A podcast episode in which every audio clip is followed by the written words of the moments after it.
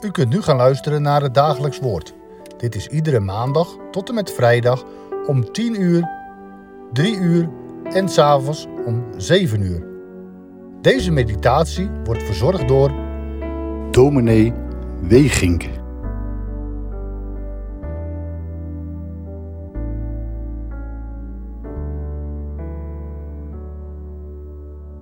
Beste luisteraars, we kruipen langzaam door het Bijbelboek Daniel heen.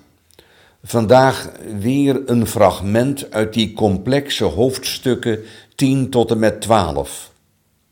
Het einde van het Bijbelboek nadert. Over het einde, de eindtijd van alle dingen, gaat het hier eigenlijk ook. Wat we zo dadelijk lezen is nou niet meteen troostvolle Bijbelstof. Wees eerlijk. Wie pluistert nu zo op een tussenstukje uit Daniel? Maar het is wel typisch stof voor november. De dagen verdonkeren, het leven raakt naar binnen gekeerd, we worden beschouwelijk, gevoelig, kwetsbaar. Het gaat over de ziel. En we vragen bij de spanningen in de samenleving en de wereld ons af, waar moet dat heen? Met de kerk van alle eeuwen denken we in deze weken aan de laatste dingen. Dat heet in de theologie eschatologie, de leer van de toekomst, de komende dingen, straks als de eerste aarde en de eerste hemel voorbij zijn gegaan. En dan vooral wat God van plan is als hij zegt: Zie, ik maak alle dingen nieuw. Aanstaande zondag, de zondag van tijd en eeuwigheid, is het de laatste van het kerkelijk jaar. Dan herdenken we de doden uit het afgelopen jaar. De mensen die zijn heen gegaan, die er niet meer zijn. Mensen die, zoals we dat in Twente, eh, waar ik mijn oorsprong vind, zeggen, mensen die uit de tijd, uit de tijd zijn gegaan. Ze hebben het tijdelijke voor het eeuwige verwisseld. Wij beneden, wij zitten in het hier en nu en zij daarboven, hoe zullen we het zeggen? We hebben niet anders dan beeldtaal, maar wel taal van een echte werkelijkheid. Zij zitten al aan de overkant, wij nog niet. En wij doen er goed aan bij alle plannenmakerij te beseffen dat het hier niet dom door kan gaan.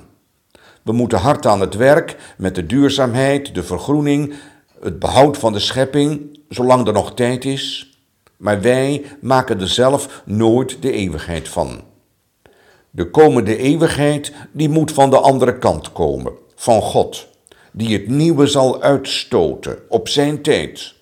En dat komt door pestilentiën, aardbevingen, hongersnoden, oorlogen, een dreiging van strijd en ramp heen. En het gaat dwars door verkeelde verhoudingen en egoïsme heen. Het kan catastrofale vormen aannemen. Het wordt een wankeling ten dode, vreselijk. En toch, nochtans, de nieuwe hemel en de nieuwe aarde komen er doorheen. We beluisterden onlangs de protestantse lezing rond hervormingsdag, ditmaal van Heino Valke, de natuurkundige sterrenkundige, die het zwarte gat in het heelal heeft gezien. Hij is een gelovig man van Duitse oorsprong en dat kun je van alle wetenschappers niet zomaar zeggen zoals hij het zegt. Hij vertelde zo mooi in die lezing vanuit de natuurkunde de scheppingsdagen na. En voor mijn gevoel, zo wetenschappelijk, zei hij dat er nog een keer, God weet wanneer, een grote plof komt. Dan spat de zon op aarde uit en dan moeten wij door het grote vuur gaan. En wat hij dan persoonlijk van God verwacht, hij zorgt voor ons. Hij leidt ons door en brengt ons in zijn koninkrijk thuis. Maar wees nuchter, de kans is groot dat jij eerst de grens van jouw leven bereikt, de dood, en dan is dat verre dus voor jou ook al heel dichtbij gekomen. U zou die lezing nog eens moeten naluisteren. Eh, het is voer voor de ziel. Nu, dat is het verborgene dat ook in die boodschap van Daniel zit. Eerder noemde ik dit boek een apocalyptisch onthullend Bijbelboek. En dat vooral kosmische en ook mystieke beeldtaal gebruikt. Over de koningen van het zuiden en het noorden. Het gaat vandaag over hen. We zijn bezig vandaag in de vierde van Daniels profetieën. Hij kreeg zijn visioenen door in Babel tegen het eind van zijn leven. Laat ik het voorlezen wat voor vandaag op de rol staat. Daniel 11, 15 tot 20. Ik doe dat in de NBV 21. En ik wil het dan nog, nog even kort duiden. De koning van het noorden zal optrekken, een bestormingsdam opwerpen en een versterkte stad innemen. De strijdkrachten van het zuiden kunnen geen stand houden. Zelfs hun keurtroepen slagen er niet in weerstand te bieden. De aanvaller doet wat hij wil, er is niemand die tegen hem stand houdt. Zo vestigt hij zich ook in het sieraadland, waar hij verderf zal zaaien. Hij neemt zich voor nog verder op te trekken en spreekt daarvoor de hele kracht van zijn koninkrijk aan. Om het rijk van zijn vijand te gronden te richten, treft hij een vergelijk met hem en geeft hem een dochter tot vrouw. Maar zijn opzet mislukt en het baat hem niet. Dan laat hij zijn oog vallen op de kustlanden en verovert er vele. Maar een bevelhebber maakt een einde aan zijn hoogmoedig optreden, zonder dat dit vergolden kan worden. Daarna keert hij zich tegen de vestingen van zijn eigen land, maar hij komt ten val en verdwijnt. In zijn plaats staat een heerser op die er iemand op uitstuurt om schatting te innen tot meerdere eer van het koninkrijk. Maar hij wordt binnen enkele dagen gebroken, al is het niet door toorn of strijd. Moeilijke tekst, hè?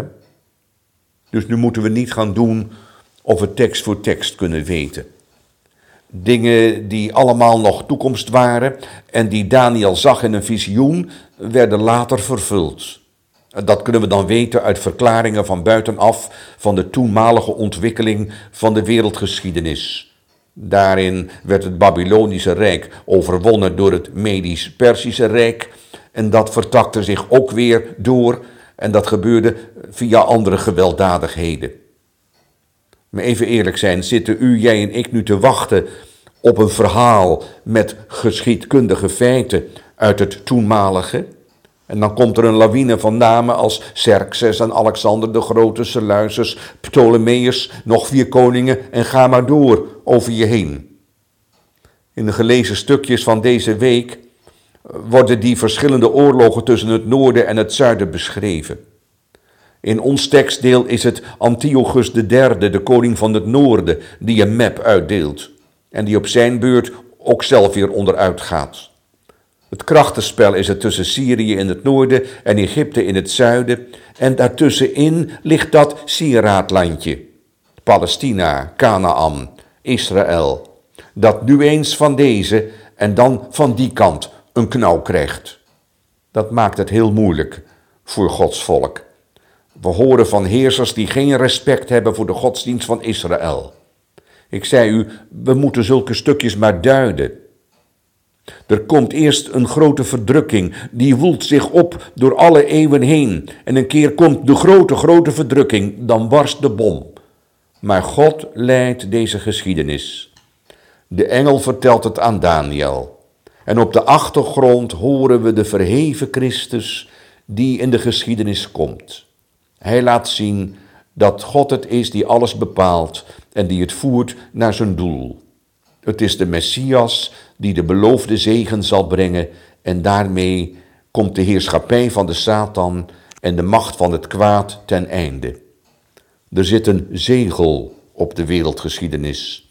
Ook wij wachten op God. En wie weet moeten ook wij als een brandhout uit het vuur worden gerukt.